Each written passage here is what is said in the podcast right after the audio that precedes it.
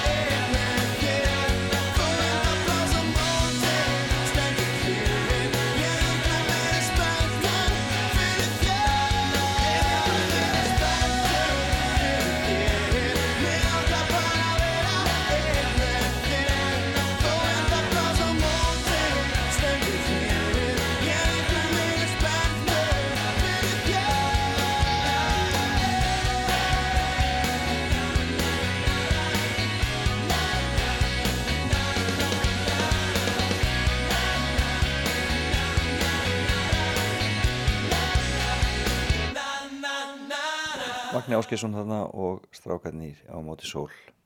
Spendur var það. Þetta slón í gegn þannig að 2001 og það verður gaman að heyra hvernig þeir nálgast e, þetta e, í þættunum árið er á eftir. En það fyrir að líða því að viðmælandi minn settist hjá mér Katrín Björgvinsdóttir leikstjóri og komi í fimmu. Magni kom nú reynar í fimmu til mín einu sinni, það var einn skemmtilegasta fimma sem ég fengið, það voru félagsheimili, það var alveg ótrúlega skemmtileg fimma hjá honum. Og það var einbettið sér að litlu félagsheimiluna sem fáir þekkja. En hann hefur gert það markmiði sínum að spila og syngja í öllum félagsheimilum landsins. En það er nú kannski aðeins öðruvísið með Katrínu, hún er eh, ekki tónlistamæður, heldur leikstjóri í sjónvarpi og kvikmyndum.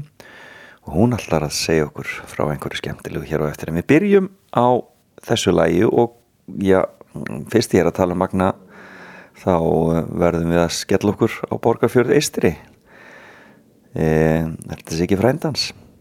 Eða bróðir? Eða eitthvað? Jón Ingi Algrímsson hér. Og svo byrjum við Katrín Björgvinsdóttir að spjalla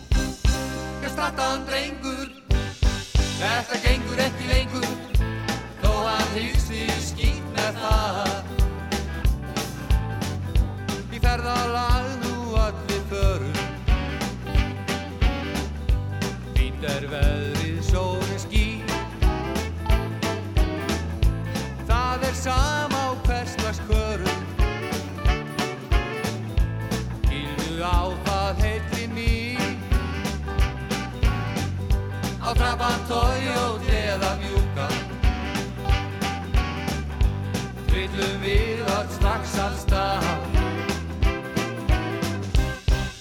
Ég starta hann drengur. Þetta gengur ekki lengur Þó hann hyggst í skýt með það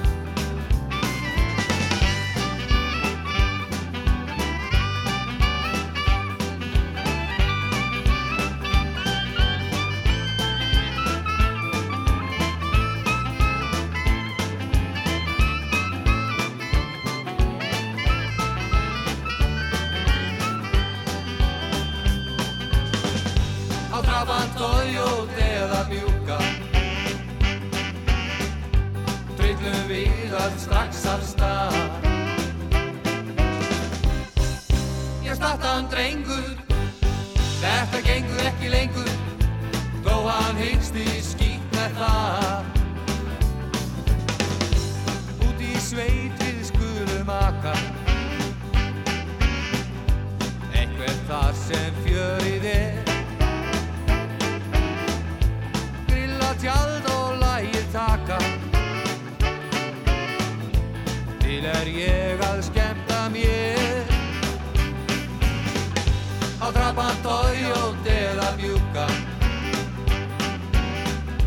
Trillum við allt strax af stað. Ég starta hann drengur. Þetta gengur ekki lengur. Þó hann hyggst í skýt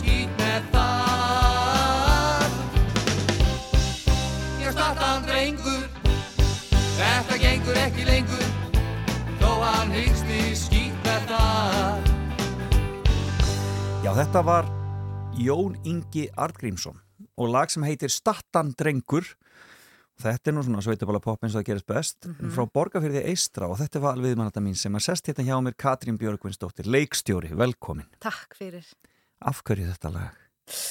Sko, ég var svolítið að hugsa um hvað væri í raun uppáhaldslægi mitt ef Já. ég hérna uh, myndi reyna að vera ekki með neina stæla. Akkurat Og ég held að það sé ekkert lag sem að hérna kemur jafn svona hratt í stuð eins og þetta lag. Stattan Drengur Já, þetta er sagt af uh, plötu sem að frendi minn Jón Ingi Argrímsson gaf út með hljómsveitin Nemndinni Já, og hérna var alltaf til á mínu heimili og alltaf um hverja einustu helgi þegar við þrifum eh, húsið, fjölskyldan Já.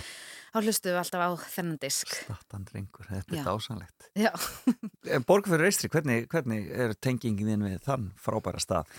sko, uh, mamma mín ólst þar upp á Aha. Sveitabæ Já, já, uh, og hérna og uh, svo á ég mikið að fjölskyldu þar náttúrulega og hérna Ertu þá skild Magna og þeim ó, bræðurum? ó, já, já, já, já. já, já. Þannig að það er Argrímsnafnið sem sagt. Já, nákvæmlega. Og hérna, og svo eigum við núna sem sagt, hérna, uh, hús sem að amma mín og afi áttu ok. fjölskylda mín á það hús sem sagt. og þannig að við erum mikið þar á sumrin Og er það þá ennþá sveitabæri eða er það svona meira inn í þorpunu? það er inn í þorpinu Það er inn í þorpunu, já, frábært, Já. Mhm. dásanlegt. Gaman að fá þig í fram og tilbaka, velkomin. takk fyrir Og til hamingju með svo lengi sem við lifum. já takk Þetta er stórt verkefni að fá. já held betur Já, hvernig, hvernig gekk þetta allt saman? Sko, ég bara er, þetta gekk bara rosalega vel og Já. ég er alveg hrikalega ánað með þessa serju sem Já. að hérna er nú uh, meira en að segja því að ég get verið mjög svona sjálfsgagrinin og á dót sem að ég er að gera en ég hérna, ég er eiginlega svona ánæðist með að þú veist, ég, mér finnst þetta að vera svona serja sem að ég myndi elska að horfa á Ég skildi, já. uh, já. og hérna Og þegar þú fegst handritið frá Anítu fyrst, Já, það var bara upplifun, sko. já, var, það, var það komið alveg eða var, Já, það, var það tilbúið bara- þegar þú kemur að þessu? Það var tilbúið, sko. Og hérna, mér fannst bara, ég bara þess alveg svakalega mikið að lesa og ég var svo hérna glöð að fá svona verkefni upp í hendurnar Akkurat. sem fjallar um þessi þemu og fjallar um sambönd og ástina og konur og hérna og allt þetta svona inn í okkur sem við þurfum ekki að segja upphátt. Akkurat. einhvern veginn. Og konur megi hafa óra og konur megi, já, Já. láta sig falla svolítið, Já, nákvæmlega. svona stundum. Já, Heyrum, við, hefum örglega eftir að koma aðeins að þessu aftur og eftir, en þú ert með fimmu hand okkur já, á þessum ljúfa laugardagsmorni og Einmitt. e, hún hefur nú komið áður þessi, já, það eru mistök. já. E, eigum við ekki bara að byrja á byrjunni, bara fyrsta, fyrstu mistök sem þú vilt segja eitthvað frá? Jú. Ha, Ég myndi kannski hérna, já, algjörlega, þetta eru kannski ekki verstu mistök sem ég hef gert, nei, en svona hérna, kannski mistök sem höfðu einhver svona ófyrirsjánlegar afleðingar já, breyttu einhverju. Já. og hérna, og fyndi, ég var að reyna að gera list, bara lista yfir bara eitthvað, Já. skilur hérna, bara hvað sem er og ég náði aldrei nema upp í svona 2-3 einhvern þá fór ég að hugsa, er líf mitt pínlítið svona random Já. skrítið ef ég næði ekki að sapna saman í 5 einhver svona En, hérna, en þegar ég fór að gera listu mistök, þá var nót til. já, Já, akkurat, ég skil þig. nákvæmlega, sko. En hvað er fyrsta? Sko, fyrstu, fyrstu mistökinn skýrði ég þegar ég óskaði mér og kaffi sítróin brann. Það munar ekki um það. Nei. Þegar ég óskaði mér og kaffi sítróin brann. Segðu mér meira. Sko, ég hérna var, bjó, var svona 19 ára cirka eitthvað sliðis þegar ég bjó í Danmörku í hérna bara svona, vist ekki, klassíska hérna fari líðaskóla og vinna á kaffihúsi Einmitt. hérna árinu sem allir þurfa að taka í Nei, Kaupanöfn. Já. Og hérna ég var, að vin, ég var búin að vera í einhverjum skóla og hérna var að vinna á einhverju kaffehúsi og hérna og var búin að vera væga sagt mjög lélugur starfsmæður því ég var svo lengi að læra dönsku Ekki ég starfsmaður mánaðar eins og Nei. Nei, ok. skildi aldrei neitt sem var að gerast og var alltaf að gera einhver hérna mistöku og svona og svo hérna eitt kvöldi þá var ég að hugsa um hvað mér langaði að gera í lífið mitt og hérna ákvaða ég ætla að flytja aftur til Íslands. Og þetta var svona akkurat þegar ég var orðin svona nógu góð til þess að það meikaði sens að hafa mig í vinnu þú Já, veist, ég þannig að ég svona hérna og var mjög stressuð yfir því hvernig ég ætti að segja vinnuveitundum mínum sem hefði verið mjög þólumóður Já, að ég, núna væri ég farin. Já, þú ætlaður að fara heim.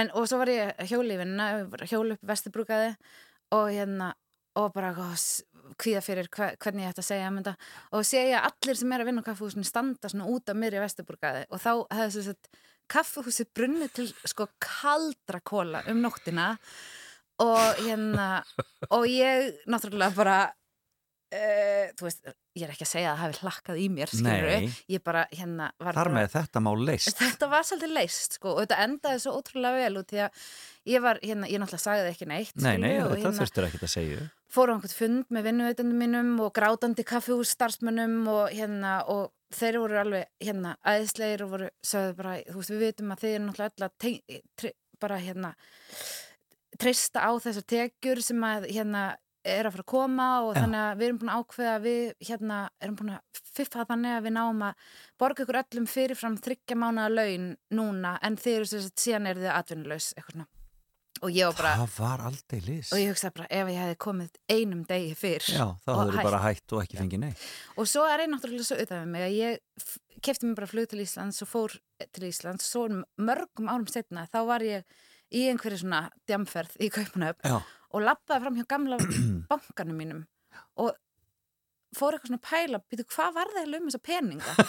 Og fór inn, veist og hérna, og var eitthvað spurði eitthvað svona, getur verið að ég einhverja peninga Já. hérna eitthvað, þú veist, ég átti engan peninga Nei, hérna aldrei. Og, og þá bara kemur ljós að ég átti bara, þú veist, halva miljón skilur sem bara láði þarna og var að, og sapnaði engum vöxtum jú, safnaði örgulega fullt af vöxtum Já, sko. almennilegt Þannig ég tók það bara út í umslægi og kom út til hérna vinna minna og var bara ég Ég- býði bjór Svona á að gera þetta Já, En þú áttir síðan eftir að vera í Danmörku í náminniðinu, eða ekki? jú, Þú svo fórst kom í ég aftur kveimdaskólan, það Já. var það ekki? Jú, Það var, en hvenar gerðist það? já, það gerðist árið 2015 Hvað er tónin gömul þá?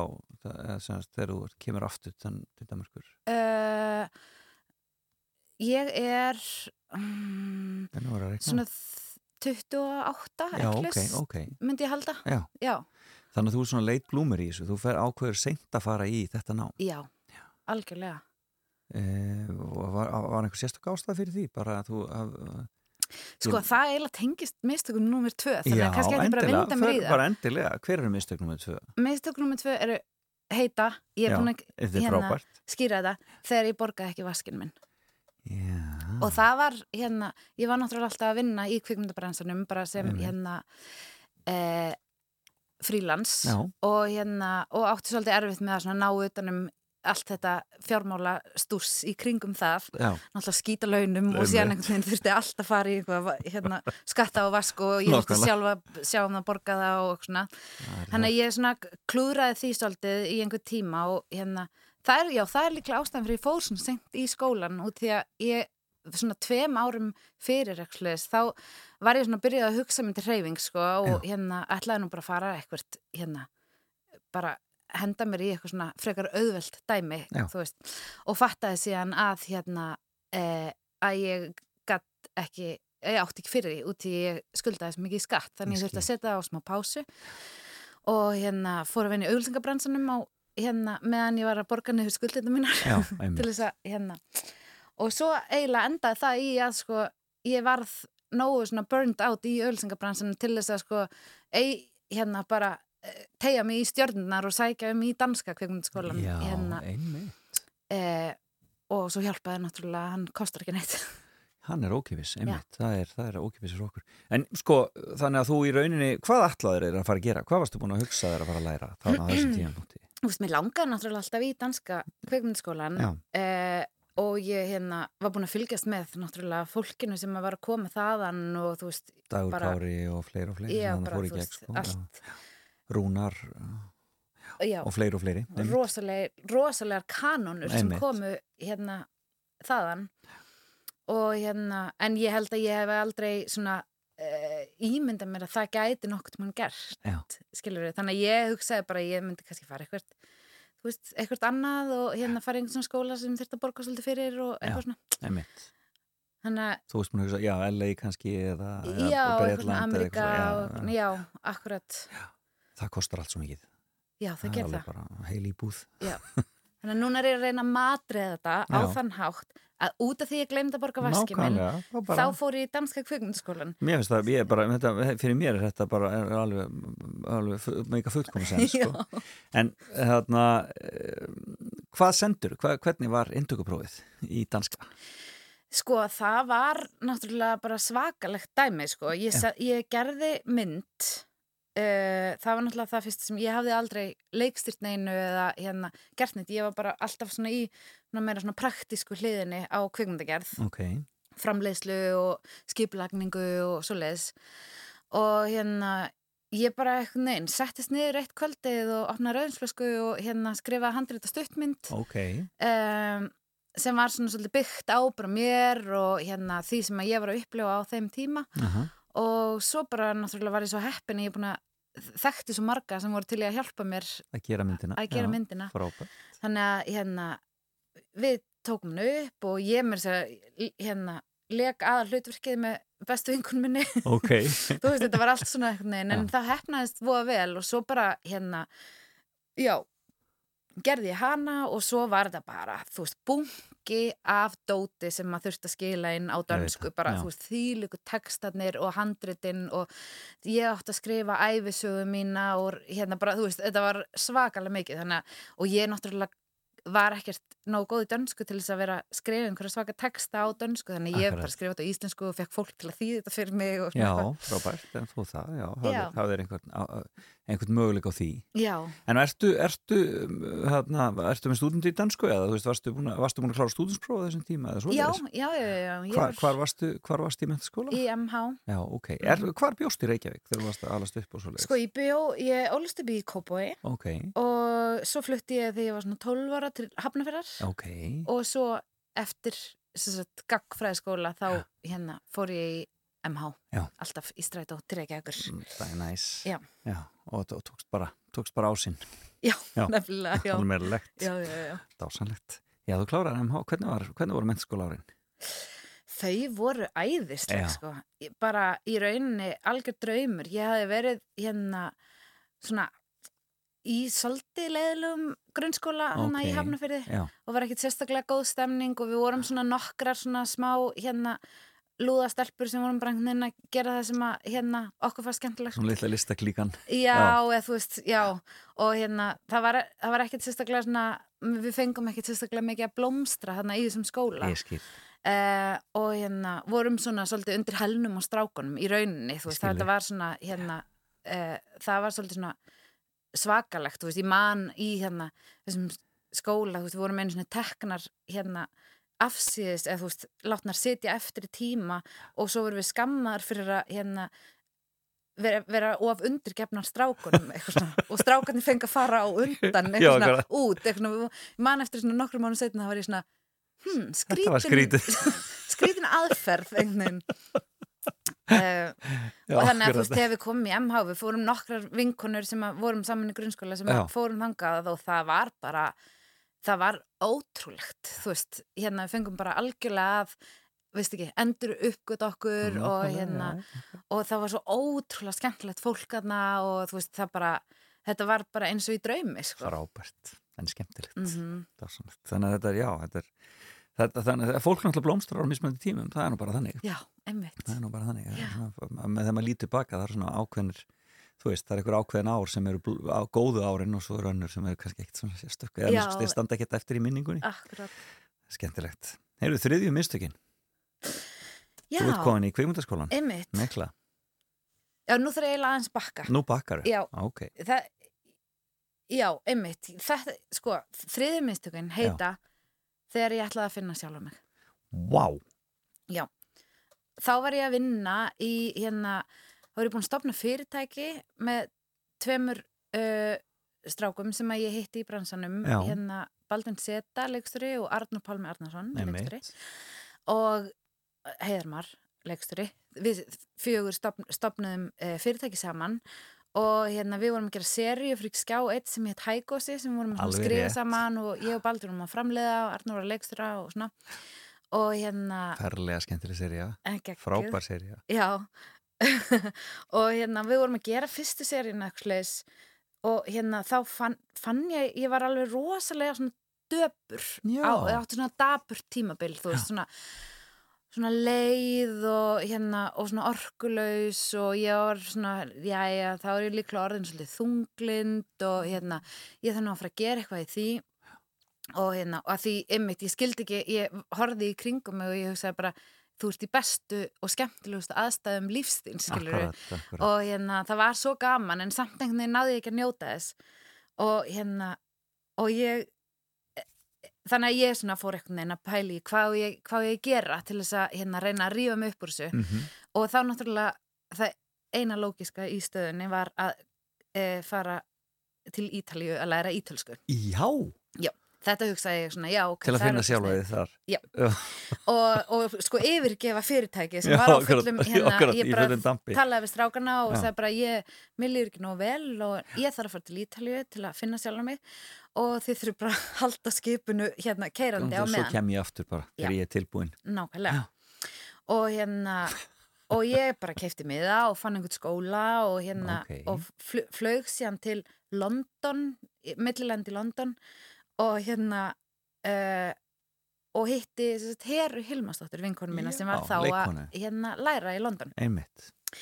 og hérna og hún var eitthvað svona að spyrja mig út í svona mína hægi og spyrja hvernig mér liði og ég sagði mér líður bara ekki nógu vel og ég er alltaf svo leið og ég er alltaf að gráta og ég skil ekki út af hverju og eitthvað svona og þá spyr hún, þetta var bara ein nótt sem ég var í London þá spyr hún, hérna ert á pillunni eða? og ég eitthvað já, ég var endur að byrja fyrir Já. Og fattaði bara í því mómenti að ég var alls ekki þunglind Nei, og það var ekkert að, ég var bara á þessari pillu sem fór svona hrika leitla í Hormón og ég einhvern veginn á leiðin í þrjá mánuð til Ítalíu og bara á þessu mómenti þá hugsaði ég bara ég þar, bara, mér langar ekkert að fara. Þetta Nei. er bara bull, skilur ég bara hendi pillunni í rusli og hætti að taka hana og leið betur sko fimm dögum setna, skilur Nákvæmlega.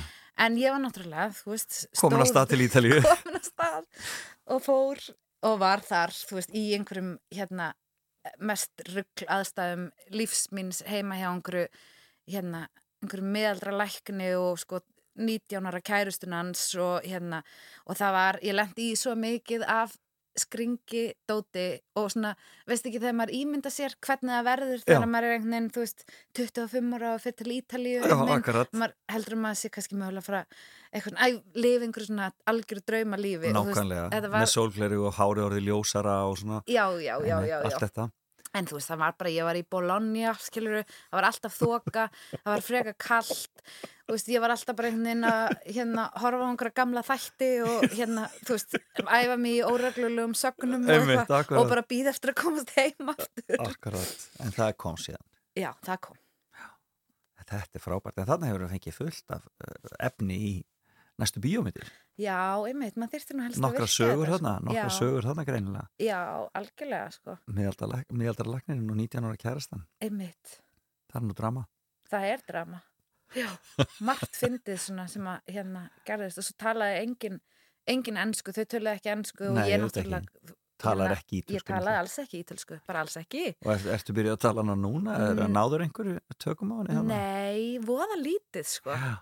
En ég held kannski, ég misti kannski aðeins dampin í að hérna, þetta varði ekki lengur mikilvægasta missjónið í lífið minn En hvað gerist með fyrirtæki? Voru strákunir en þá bara byggður eftir þólið maður? já, já, þeir bara hérna unnu aðeins meira á meðan ég var í burtu Já. og svo skiptust við á þegar þú komst heim. já, Svona að gera þetta. já, Tökum okkur smápásu, við erum komið þrjú mistök hérna. Þegar ég óskaði mér og kaffi situr á einn brann, þegar ég borgaði ekki vaskinn og endaði þá í Danmörku í kvímundaskóla og ég ætlaði að finna sjálf mig og Ítalíu æfintýrið. Eh, næsta lag er með hljómsveit sem heitir Katinka. Hvaða lag er þetta? Þetta tengist Danmörku. Heyrðu, þetta hérna lag er sko hérna lag úr lokamyndinu minni í uh, skólanum Já, sem að hétt Dronning Ingrid eða Ingrid Drottning einmitt. og hérna uh, og ég já, og er svona lag úr þessari mynd með þessari hérna æðislegu frábæri típu sem heitir Katinka og er hérna tónlistakona og uh, og það heitir Við er, vi er ekki könni nokk. Um, Til að dansa. til að dansa. Og hérna já, er bara æðislegt lag, algjör stemning. Ef við ekki kýla á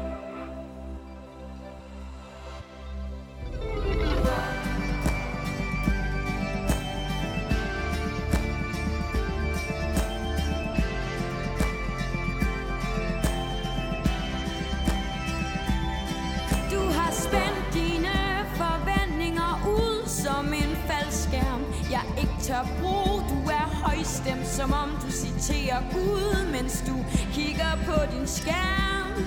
Og jeg ville ønske jeg kunne se hvad du ser i mig. Det er kun flasken i min hånd der flasker sig. Du siger det ægte, jeg siger det en dårlig leg. Dit ansigt lyser fra din skærm.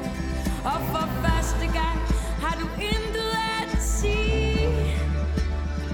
Festen er for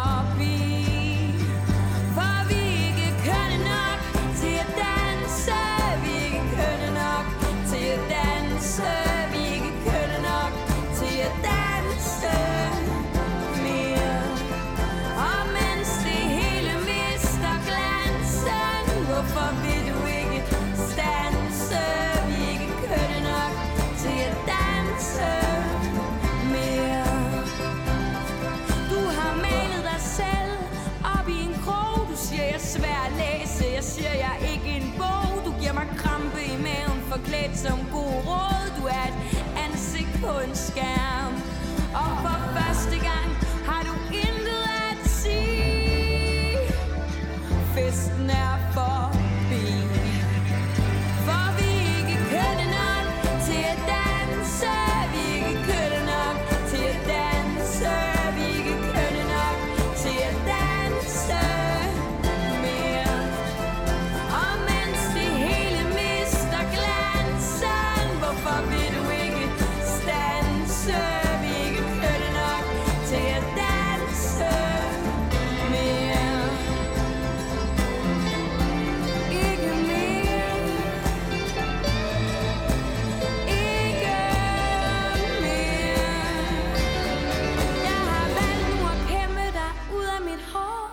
kan se dine ben, men jeg ved ikke hvor du står. Du siger du intet kan føle, mens du tager på mit lår. Du er et ansigt på en skærm. Men vi er ikke kønne nok til at danse. Vi er ikke kønne nok til at danse.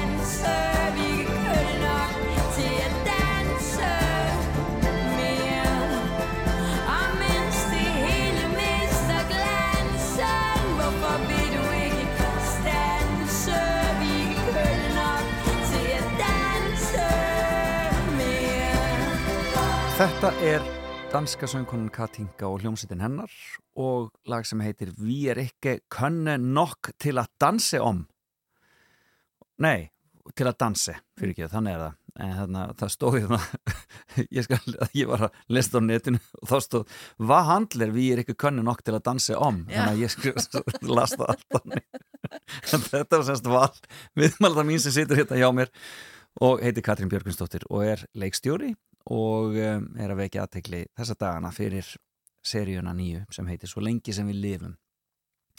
Við erum að fara í gegnum fimmuna þína, Katrín sem eru mistök. Ég, la, sko, ég heyrði viðtalið, las viðtalið við þig sem, að, sem þú áttir við hana, hana, Sigurlegu Jónas dóttur Já. og þar voru þessi þarna, mistök sem að urðu þegar þú fóst í fyrsta sinn að vinna í kvikmyndum. Já, þegar þú óttist verið með bílpróf og lengtir í allskins hremmingum út af því? Já, já, já. Eða tókst bílprófið og hratt? Já, einmitt, ég var með bílpróf Þú varst með bílpróf, Já, já. var bara ekkert sérstaklega góð kerðir svolítið á og svona. Já, já, og, og aðarleikararnir svolítið hrættir að vera með þér í bíl og eitthvað svona. Já, eins og gerist og gengur. það var svolítið þannig, sko, já, já en eh, þú er samt vel alveg ákveðin í því að þú ætlaðir inn í þennan bransa þráttur það eftir þetta? Já, einmitt, mér, hérna Já, ég einhvern veginn held ég hafi náða að láta þetta ekkert eitthvað svona það mikið á mig fá, sko, Nei, en það er nú að góð við að vera ungur nákvæmlega, og vittlaus já já.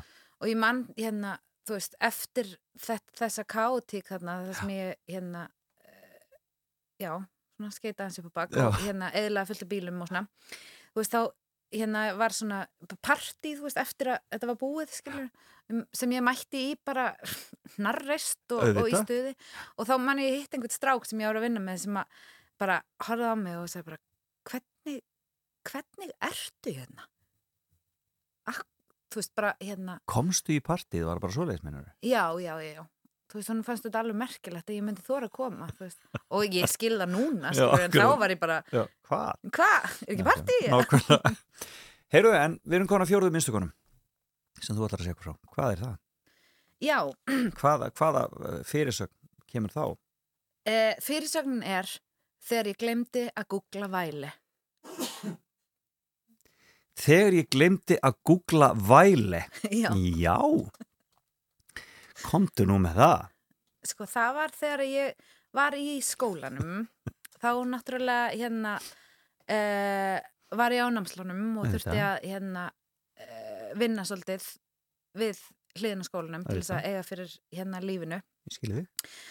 og ég var að vinna mikið sem svona hérna eh, sem alls konar, ég var að þrýfa mjög mikið heima hjá gömlu fólki ok, og hérna komst inn í alls konar skrýtnar íbúðir og hús og líf einhvern veginn. Og hérna svo var ég líka að vinna svolítið sem svona frílans svona þjótt, ok þú veist svona koma inn í alls konar aðstæður ég og skil, hérna já, þjóna einhverjum veislum og eitthvað. Heima hjá fólki og svoleiðis þá eh, eitthvað svoleiðis. Já, bæði og í sölum og í brúðköpum og fermingum og hérna, Ok. þú veist, alls konar. Og líka bara á veitingastöðum bara, bara í, veist ekki, svona alltaf eitthvað nýtt. Þú veist aldrei hvað þú ert að gera. Nákvæmlega, Hérna, vá. fárulega óþægilegar aðstæður. Já, en ég hérna fekk einhvern mann eitthvað jobb sem að hérna var eitthvað svona þjótt í einhverju eh, hérna einhver svona fyrirtækja veislu svona oktoberfest hérna veislu. Og og hérna var að fara að gera það um helgina og svo var ég bara svona hérna föstudeginum eitthvað svona að tala við bekkjafélaga mína og svona hún að tala um hvað hún fara að gera um helgina og ég eitthvað já ég er að fara að þjóna einhverju veislu og svona og þau eru eitthvað þau eitthvað já hvað er það? Og ég eitthvað æ bara hérna einhvers þar rétt fyrir utan kaupanöfnir þetta heitir hann að væli. Og þau bara horfða á mig og voru bara Katrín það er á Jótlandi. Það tekur sex klukktíma að komast þangað og ég bara þá var ég bara rugglað ég sem mar margt svona í kringum kaupmanöfn sem byrjar á vaff já akkurat, já, akkurat. Valby og þú veist, alls konar. Hérna og ég bara gerði einhvern veginn ráð fyrir þetta væri bara, hérna, náttúrulega bara rétt hjá. Já.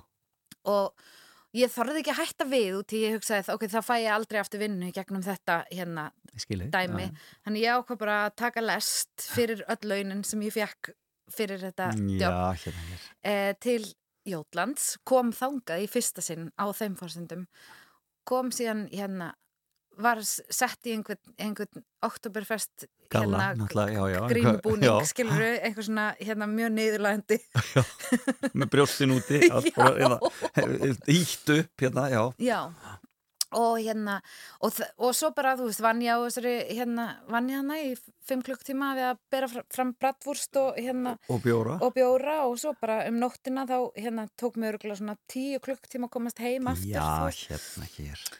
En hérna en já, þá hugsaði, eftir þetta hugsaði ég alltaf, aldrei að gera ráð fyrir neinu, alltaf að googla fyrst. Nákvæmlega. Já, það er mjög góður, það er mjög góður góð leksja í lífinu. Það? Alltaf að googla fyrst. Þetta er algjör snilt En þér hefur liðið vel í náminu. Já, Hvað er mjög. mörg ár?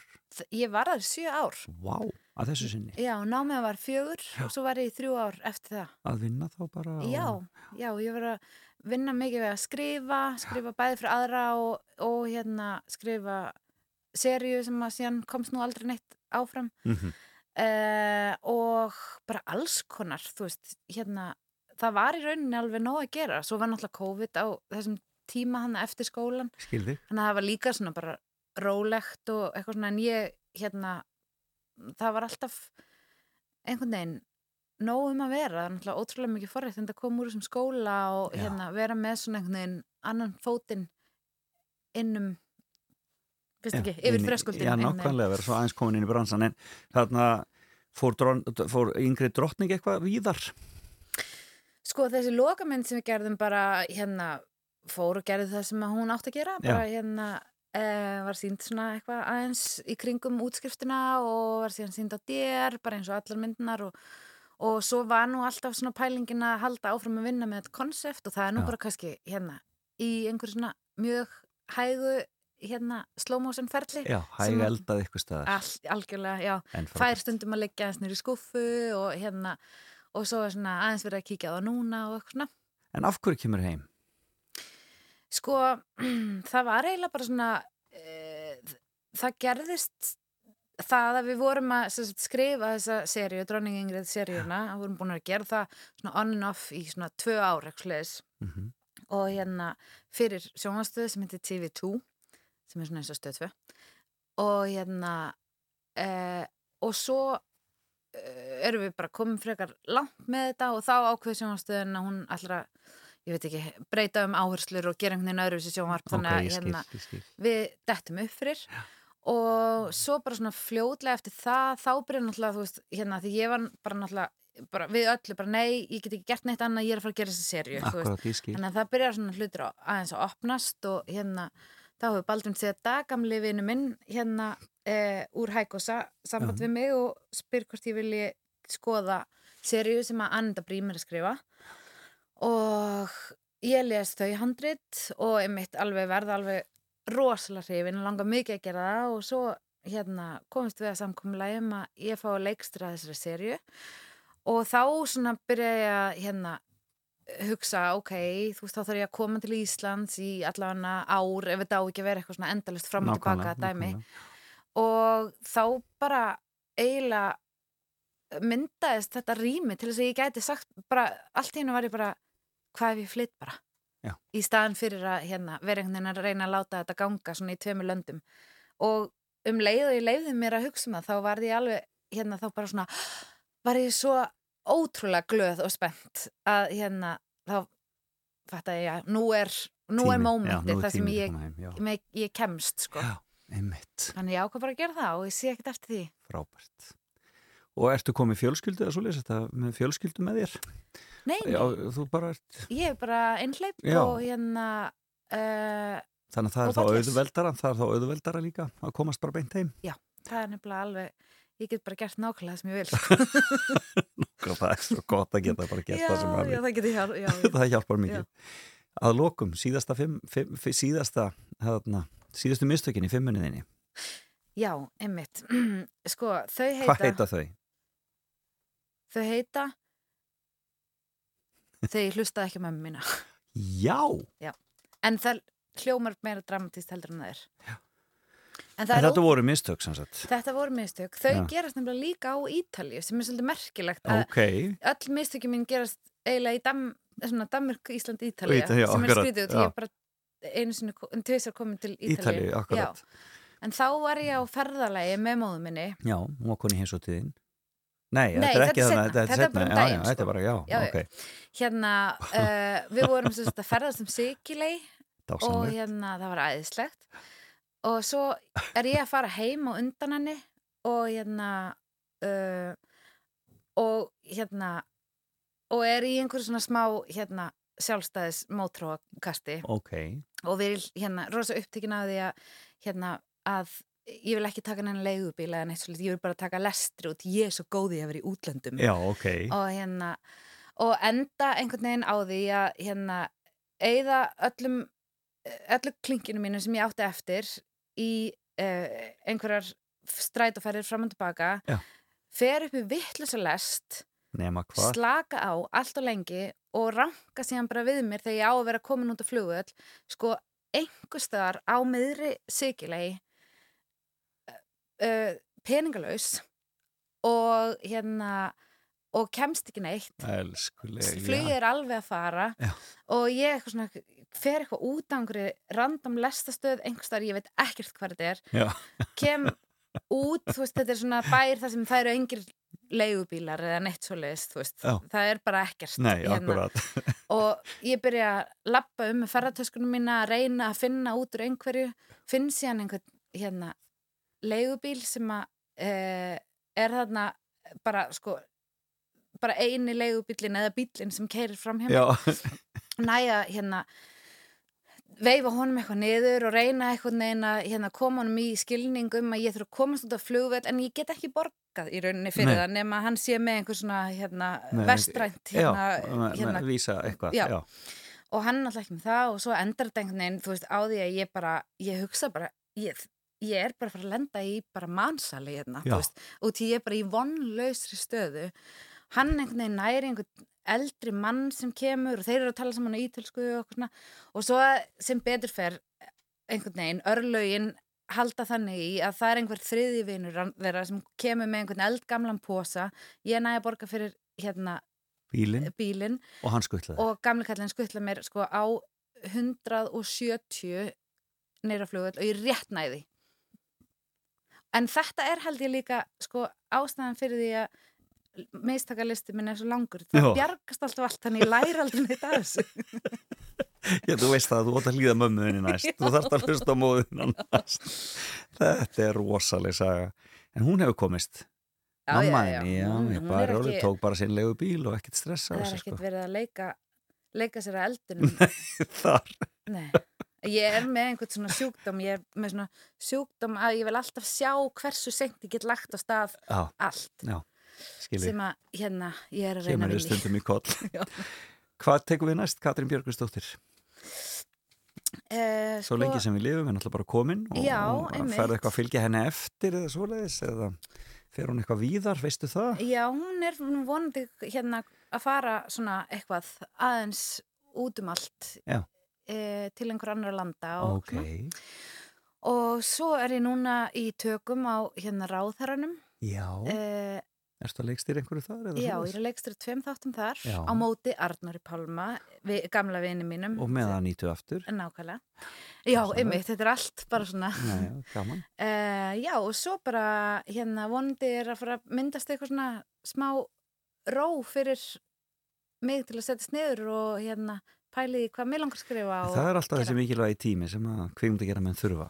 Tíminn til þess að hugsa, huga að næsta verkefni. Það Já. er alltaf svo erfitt að gera það á meðan þú ert í, í, í, í ringuðinni. Já, það nefnilega getur verið svolítið, hérna maður þarf svolítið svona að taka ábyrð á að tæma svolítið dagskránu sína, eða ég skil. þarf að gera það Ég skil og ég þarf einhvern veginn að búa til smá svona uh, rými til þess að geta einbytt mér að einhverju sem að, hérna, mér langar að segja Sannarlega.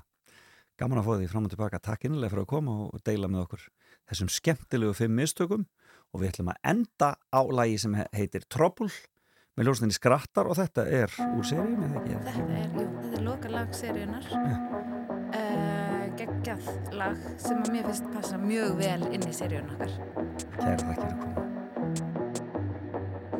What's it feel? It feels so good.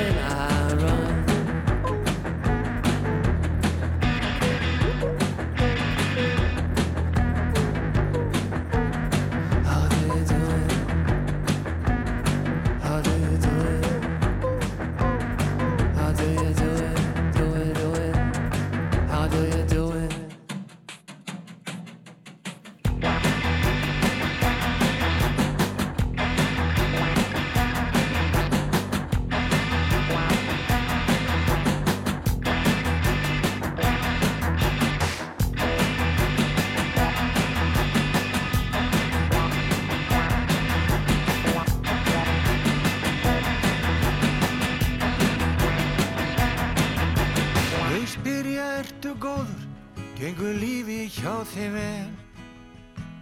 Grá augun minn á sandkort sem aldrei fundu sker Svart hól geta stjörnu og líka hjört og sál Öllu vitundin á leiðinni verða kastað á bál Það er hóla í hendinni.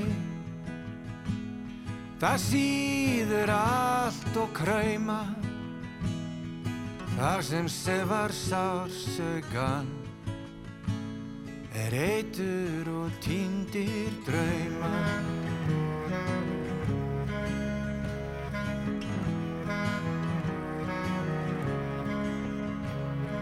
Stundum komu tímar sem tegðu sig vorið En fljótlega á líflínuna var skorið Sekundur litu hann og líinn til bæna.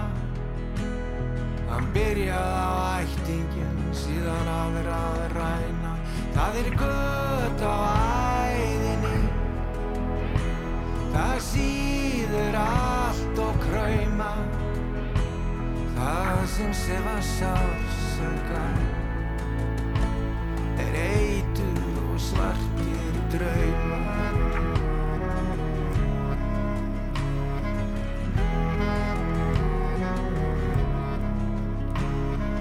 Sónu bróðir, vinur, faðir, veistu hvað? Fjandakornið þetta var hann og svo miklu meir en það. Minningar svo góðar, himinin heiður blá. Að hamingjan er oftast með þér þín fyrstu á Það eru gött á æðinni Þar auðrin smígurinn Það eina sem sefar sársökan er eitrið í vinnum minn.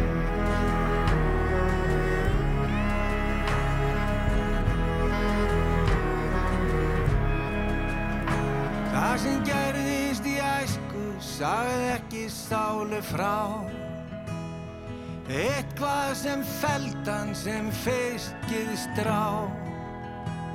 Eitrið sló á hungrið, sársökin þáðum stund. Var látin er loksins átti við dauðan fund. Það voru gött á æðinni. Þangað hurfa öll árin. Eitrið sem aði sársökan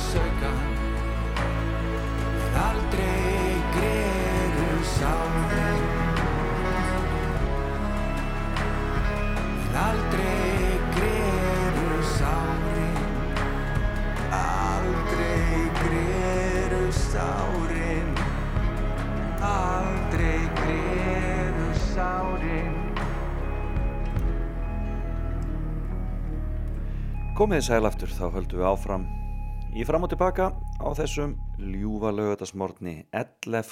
11. 23 1, 1, 1, 1, 2, 3 Þetta er flott tala. Ef einhver börn er að fæðast á þessum degi þetta er akkurat dagurinn. Og öruglega einhver er að gifta sig ef ég þekki það rétt líka. Eh, en eh, það var Bubbi sem hóf þetta hjá okkur eftir nýju fréttinnar og lagið heitir Hólan og Bubbi gerir vel eins og alltaf og er þarna að syngja um óbíóðana held ég öruglega Já, mikilvægt málefni eins og alltaf. En það var líka frábært gestur hér í morgun, Katrín Björgunsdóttir, leikstjóri, eh, frá Borgafyrði Eistra. Það er búin smá þema hjá mér í dag, Borgafyrði Eistri. Eh, en eh, hún leikstýrir þáttunum á stöðu 2 sem heita svo lengi sem við lifum og hún var með ótrúlega skemmtilega fimmu, fimm mistök. Eh, það var þarna þegar hún óskaði sér og kaffi sítrúan brann. Það var þarna þegar hún borgaði ekki vaskinn. Það var þegar hún ákvaða að finna sjálfa sig þegar hún glemdi að googla væle og þegar hún hlustaði ekki á mömmu sína og var rétt búin að missa flugi á sikilegi e, og ef þið hafið ekki heyrt þetta viðtal þá endilega náið þáttinn eftir að þessum þætti líkur og, og finnið hann á, á á, á netinu og já, hlaðvarpsveitum heitir ekki það En uh, já, þennan, þessum, þessum klukktíma ætla ég nú bara að hafa það augulegt með ykkur spila góða tónlist og jú, ég ætla að um, rifja upp sögu Madness, bara svona örstutt. Ég veit að það hafa margir verið að gera það í gegnum tíðina og nýlega því að uh, Madness eru jú að koma til Íslands á næsta ári. En uh, það er góð vísa samt aldrei of oft kveðin, þannig að ég ætla aðeins að spila nokkur Madness lög hér eftir hálf tíu. En næsta dagskrá er uh, tónlistakona sem kallar sig Pixie og ég var aðeins að googla hana hérna, uh, þekkti ekki til hennar uh, og um, hún útskrifaðist úr Liverpool Institute for Performing Arts og fætt á Breitlandi uh, árið 1995 þannig að uh, hún er já, rétt tæplega þrítug og við skulum hér að lægið Daisy Chain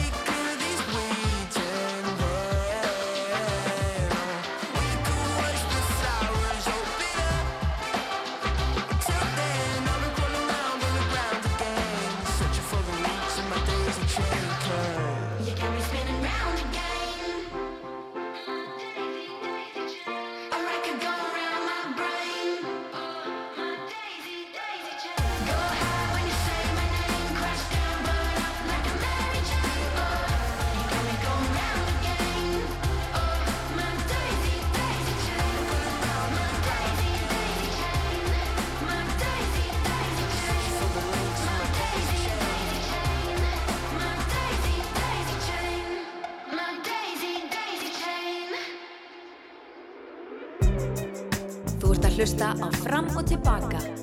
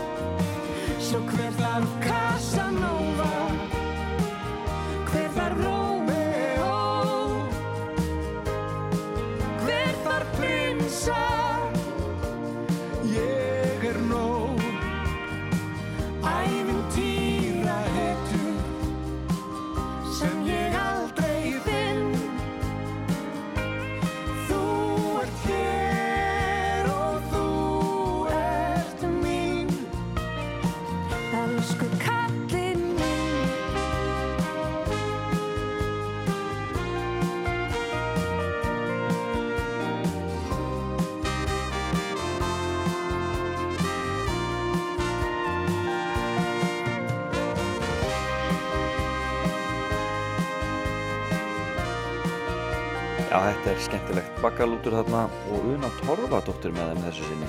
Á lag sem heitir Casanova. Já, já, kannski þurfum við ekkert á einhverjum Casanovum að halda. Alltaf skemmtilegt er að uh, nýja lagi með bakkalúti kemur út. En uh, í dag er 11. november eins og áður hefur komið fram. Þetta mun vera 350 15, 15 ég ætla að byrja aftur á þessu Þetta mun vera 315. dagur ásins og það þýðir að það eru bara 50 dagar eftir á árinu. Og þessi dagur er þjóðhóttíðadagur Póllands. Uh, og ég bara óska öllum pólverum og pólskum uppruna á Íslandi einlega til hamingi með það. Já okkur öllum. Gott að fá svona mikið að skemmtilegu fólki frá Pólandi til Íslands. Um, en hvað gerist á þessum degi? Jú, jú, það gerist ímislegt þetta flott, flott dagsetning 11. 11. Um, Bein Reynistadabræðra sem hurfu á Kili árið 1780 voru jarðsett á Reynistad þau hefðu þá fundist um sumari þetta var árið 1846 og það var þessum degi sem fyrir heimstyrjöldinu lauk með því að þjóðverja lögðu niður vopn um, en, og því var fagnar náttúrulega við um lönd en í Reykjavík blöktu fánar í hálfastöng á þessum degi vegna spönsku veikinar hrikaleg eh, veirusíking þar á ferðinni. Mattias Jókonsson var gerður að heiðusborgara Akureyrar á þessum degi. Hann var 85 ára þennan dag. Og um, e, yðinskólinn í Hafnarfyrði var stopnað á þessum degi 28 leigubílastöðin Reyvill 5885522 hún var stopnuð á þessum degi árið 1943 í miðjustríði e, og á þessum degi 1945 hófust framkvæmdir við Vestmanneia flugvöll. Já, ég vissum að margir myndu vilja að hann væri notaður meira þessa dagana. Hafskip var stopnað á þessum degi árið 1958 já, það stopnað svona snemma, ég hef ekki gert mig grein fyrir því. Og á þessum degi 1962 frumsýndi leikfélag Reykjavíkur leikritið Hart í bak eftir Jökul Jakobsson og varð því líkur smellur sínt 205 sinnum fyrir fullu húsi í Yðurnó, ger ég ráð fyrir. Rhodesia lísti einhlið við sjálfstæði frá Breitlandi og stopnum líðveldis, er það ekki Zimbabwe í dag og rafinnaða sambandið, já þetta var árið 1965 fyrir ekki og rafinnaða sambandið var stopnað þessum degi 1970 og eh, já það er náttúrulega ímislegt svona skemmtilegt, hljómsveitin Bless eh, held sína síðustu tónleika á þessum degi 1991 það er Dr. Gunni vinnu minn hann næri að komast þarna inn á Wikipedia. Og e, það var þessum degi 1994 sem Guðmundur Árni Stefánsson félagsmálar á þeirra e, sem hafi verið sagaður um mistök e, í ennbætti og misfæslur sagði af sér. Þannig að það 1998 á þessum degi samtök ferðarþjónustuna voru stofnað á Íslandi. Já þetta er svo samanlega ungur ungur bransi. Og kvikmyndin Mávallátur var eh, frum, valin besta íslenska kvikmyndin á ettu veluna háttíðinni árið 2001 enda frábær uh, mynd. Eh, og Andi Sofía Fontaine bandarískur innflytjandi tók sæti á alþingi sem var aðþingma vinstri grætna og hún var fyrsti útlendingur sem tók sæti á alþingi. Já, þetta er almennlegt og um, já, það er ýmislegt sem hefur greinlega gerst á þessum degi og Hörskuldur Ólafsson, tónlistamæður hann á ammæli í dag. Líka Leonardo DiCaprio uh, og Lilja Mósesdóttir fyrir nætti þingmaður. Daniel Ortega, fórsetin Nicaragua já, ég fagnar nú ekki deginum hans en það er annar, önnur saga.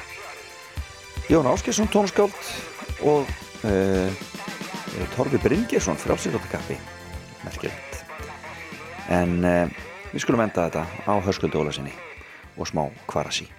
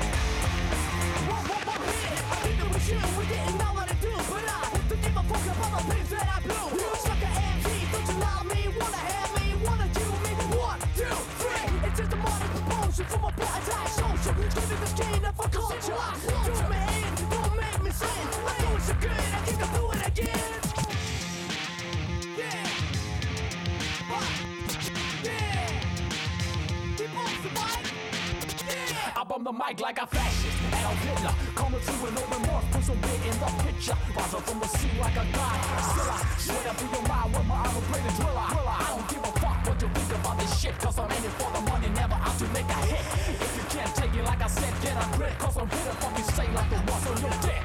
Come on! Stick him up, yeah, stick him up. Stick him up, stick him up, yeah, stick him up. Stick him up, yeah, stick him up. Come on, come on, come on, come on, yeah. Stick him up, stick him up, stick him up, yeah, stick him up. Stick him up, stick him up, yeah, stick him up. Stick him up, yeah, stick him up, stick him up, stick him up. So won't you make a man out of me? I got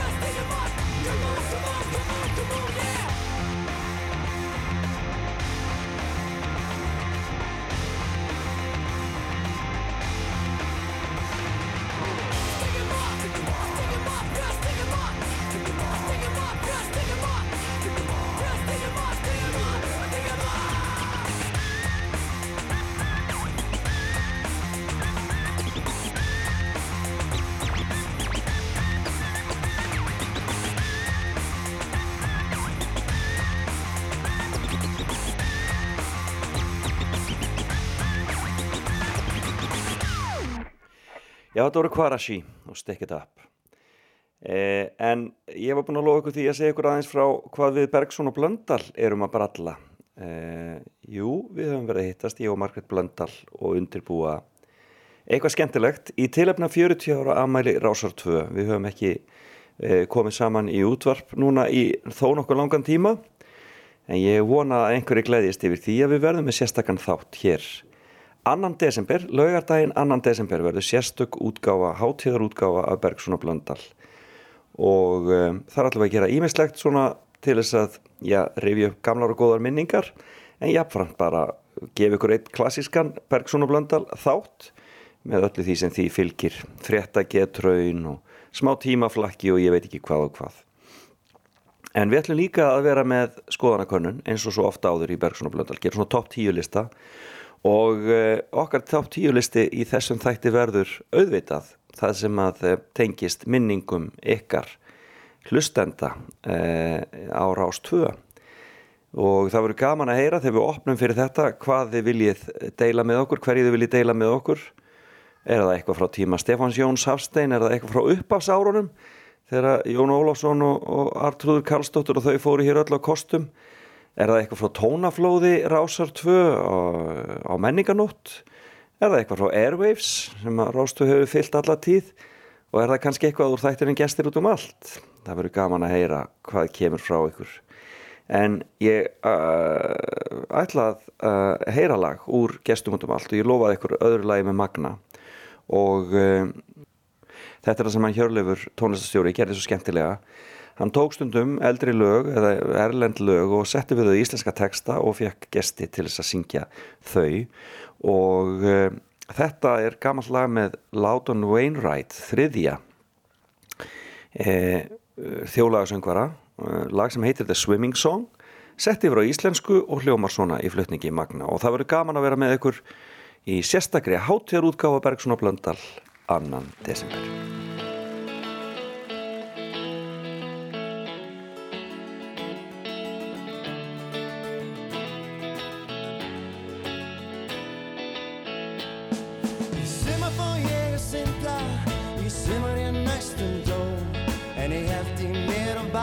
Barðist um Og höndum um mig sló Og höndum um mig sló Í sumar synd í sjónum Ég fór í laug og lón Ég satt í sár og klór á kvarm Ég er sjálfsegi vingarflón Ég er sjálfsegi vingarflón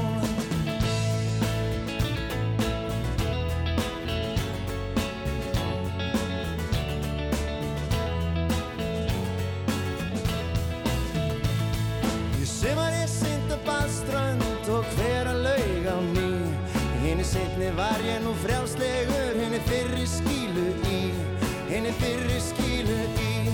Í sumar synd ég baksund og ég kom víða við. Ég syndi flug og bringusund, hundasund og skrið. Hundasund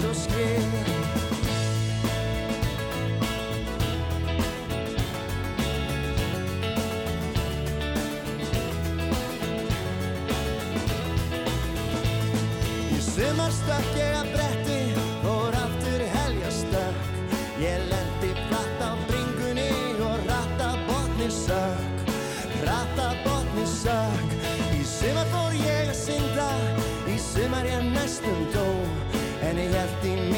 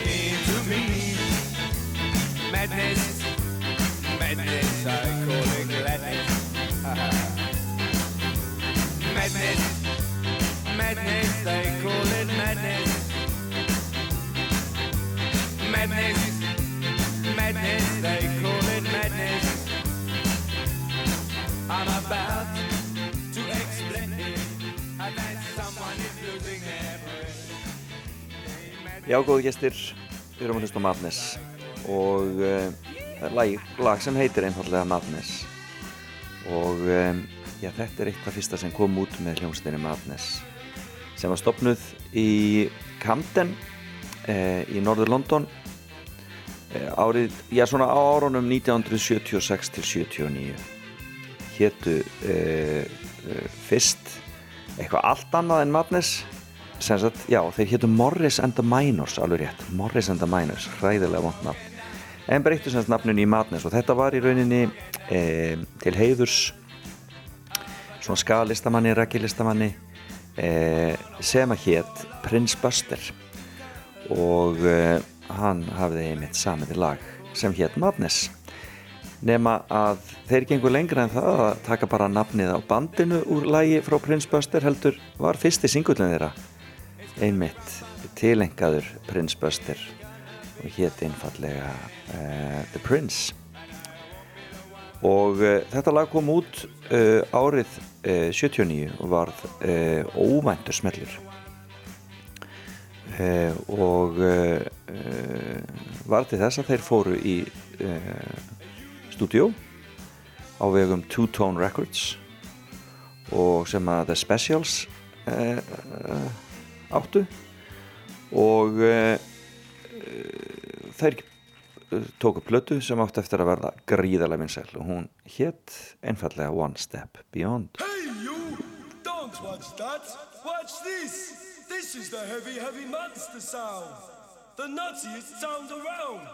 So if you're coming off the street and you're beginning to feel the heat, well listen, Buster, you better start to move your feet to the rockinest, rock steady beat of madness. One step beyond.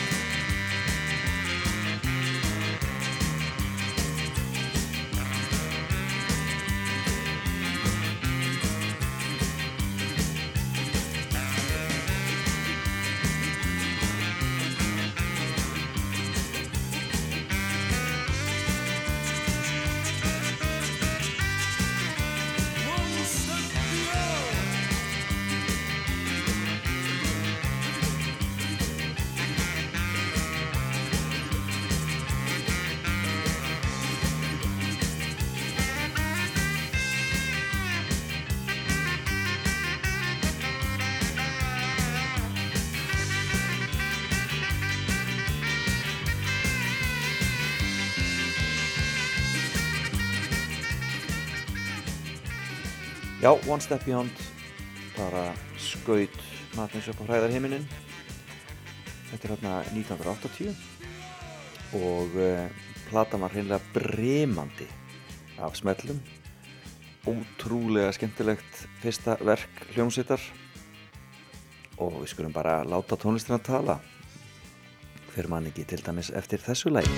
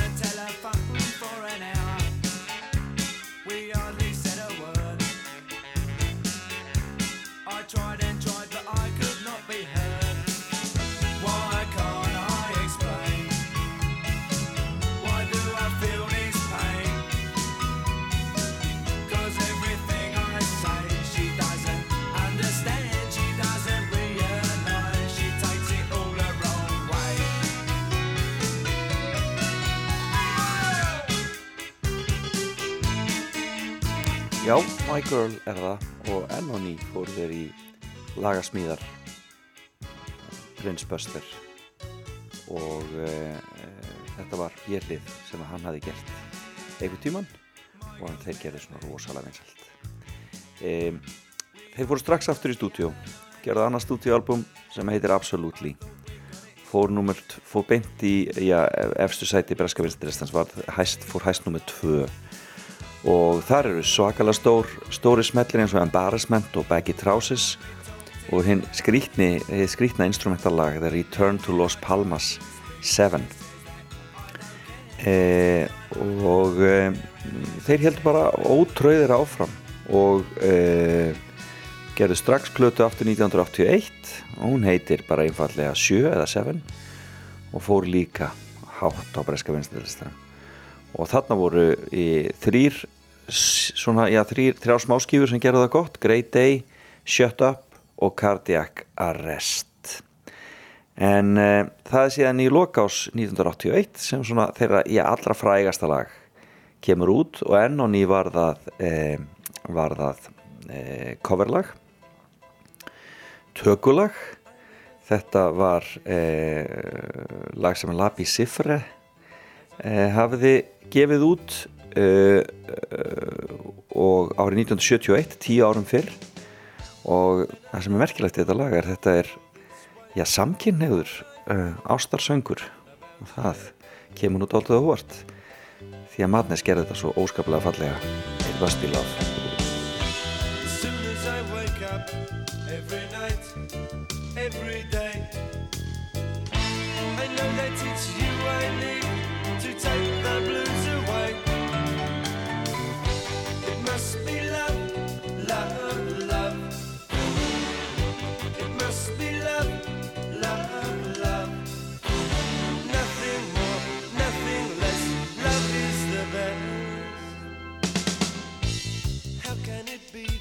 we can say so much without words?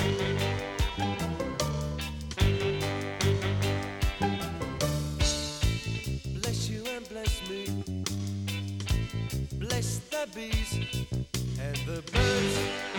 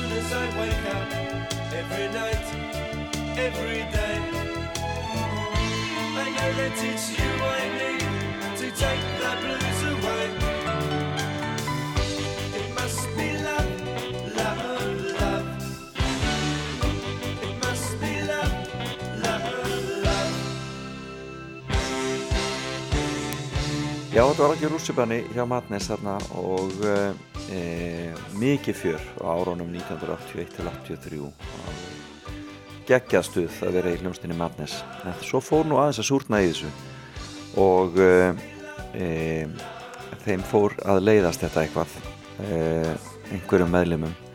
Þannig að svona eftir 83 þá er þetta svona á dalt mikilli niðurleið og um, þeir voru að gera plötur sem gera það ekki eins gott og um, þegar þeir komu hér og spilaðu listapoppi í, í júni 1986 þá var þetta bara hreinlega að verða búið og því lauk uh, september um, 1986 en þeir hafa verið að koma saman síðan til dæmis í kringum söngleik sem að bar nafn uh, þessa lags Father wears his Sunday best. Mother's tired, she needs a rest are playing up downstairs. Sister's saying in her sleep. Brother's got a date to keep, he can't hang around. Our house in the middle of our street. Our house in the middle of our our house. It has a crowd. There's always something happening, and it's usually quite loud. Our mum, she's so house proud. Nothing ever slows her down, and a mess is not allowed. Our house in the middle of our street. Our house in the middle of our our house in the middle of our street. Something tells you that you've got to in the middle of our Father gets up late for work. Mother has to iron his shirt. Then she sends the kids to school. Sees them off with a small kiss. She's the one they're going to miss in lots of ways.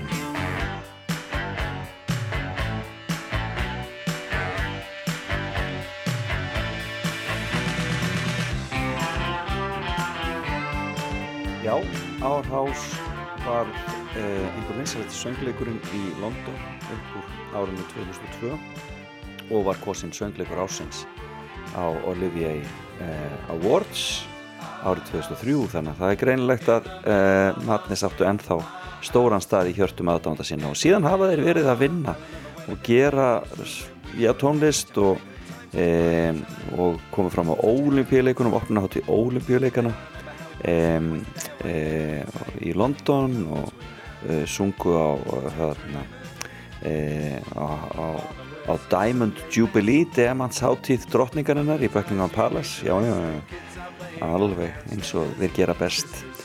Og svo eru þeir búin að tilkynna nýja plötu sem er að koma út núna 17. november Theatre of the Abs Absurd Presents C'est la Vie. Og um, þeir eru á tónleikaferð og munu koma hinga til Íslands. En við skulum enda þetta á lægi sem að við Margrét Blöndal spiluðum heilmikið þetta um okkar Bergson og Blöndal. Og ég sýnir nú bara að þeir eru hverginari döður öllum á æðum. E, strákarnir í Madness. E, þetta lag heitir Forever Young og við bara hlakum til. Kannski taka þér þetta á tónleikunum sínum hér á næsta ári á Íslandi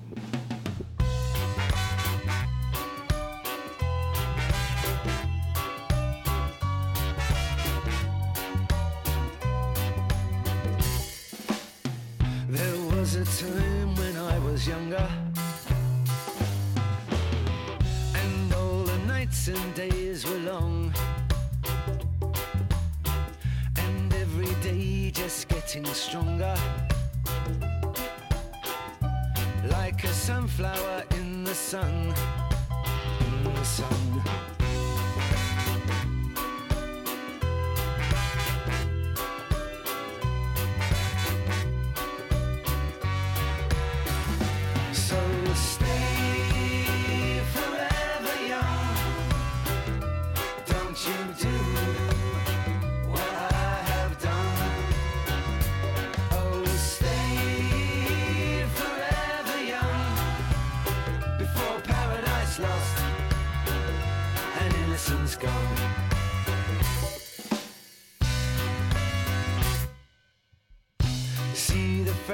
of your young face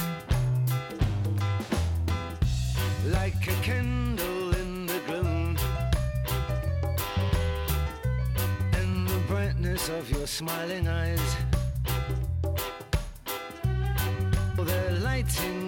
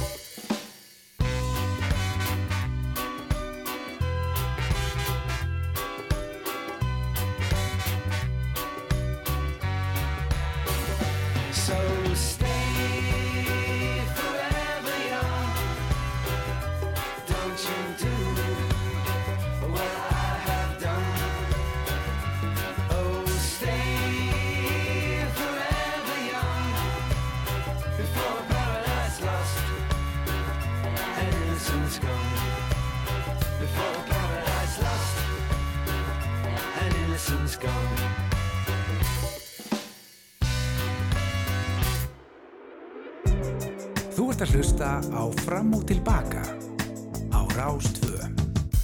Þetta er búið hjá mér í dag. Takk ykkur fyrir að sitja með mér í gegnum Bergson og Blöndal. Nú fer eh, hún Salka Sól að taka við og svo félagsseimlið eftir hádegi og auðvitað allt þetta skemmtilega árið er og hljóðvegurinn og ég veit ekki hvað og hvað. Um, ég þakka viðmælanda mínum í dag Katrínu Björgvinsdóttur, leikstjóra fyrir stórskemmtilega fimmu og ykkur fyrir að hlusta. Við heinust aftur eftir viku. Þá úr efsta leitinu en njótið dagsins. Bless bless. Everybody's looking for somebody, for somebody to take home. I'm not the exception, I'm a blessing of a body to love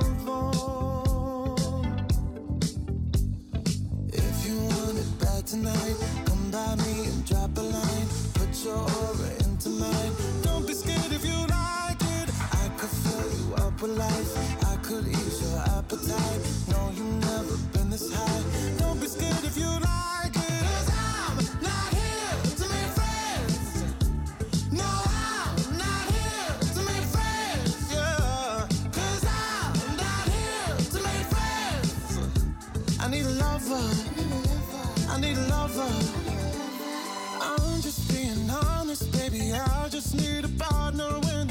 Come.